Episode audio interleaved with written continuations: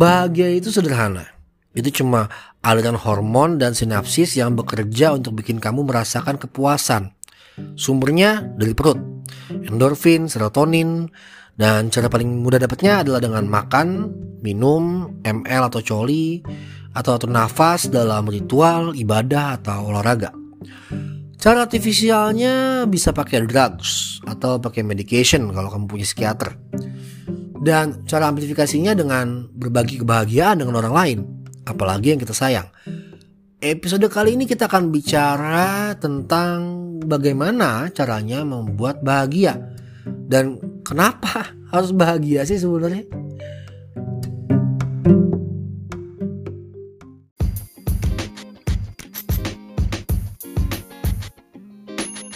Halo, ini adalah podcast Esenosa, sebuah podcast yang membahas pemikiran-pemikiran saya, Nosa Normanda, seorang antropolog, filmmaker, penulis, dan musisi.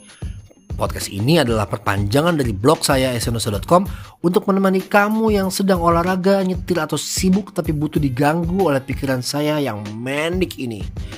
Oke lanjut yuk, dengerin ya.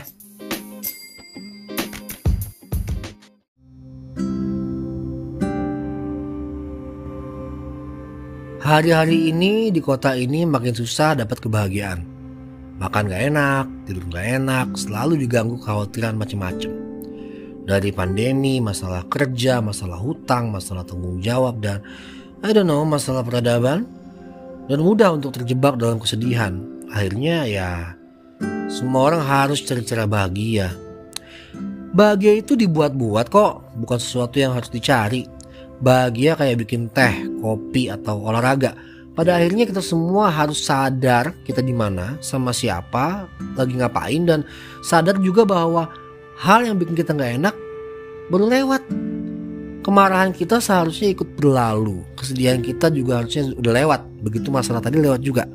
Susah emang, sering kali sakit itu kebawa sampai lama gitu ya. Kadang-kadang membekas jadi trauma, kadang ke-trigger juga kita dan kebawa lagi ke sana.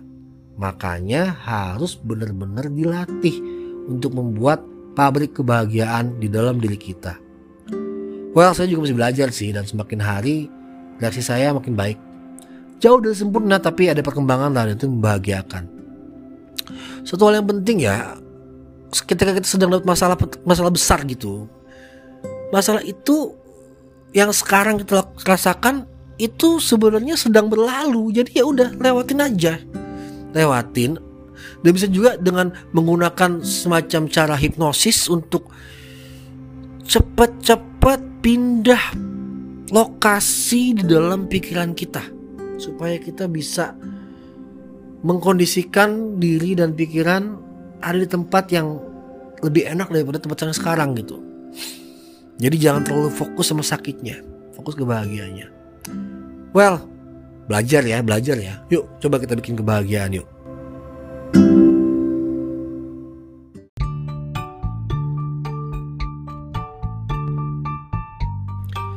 Terima kasih sudah mendengarkan podcast ini.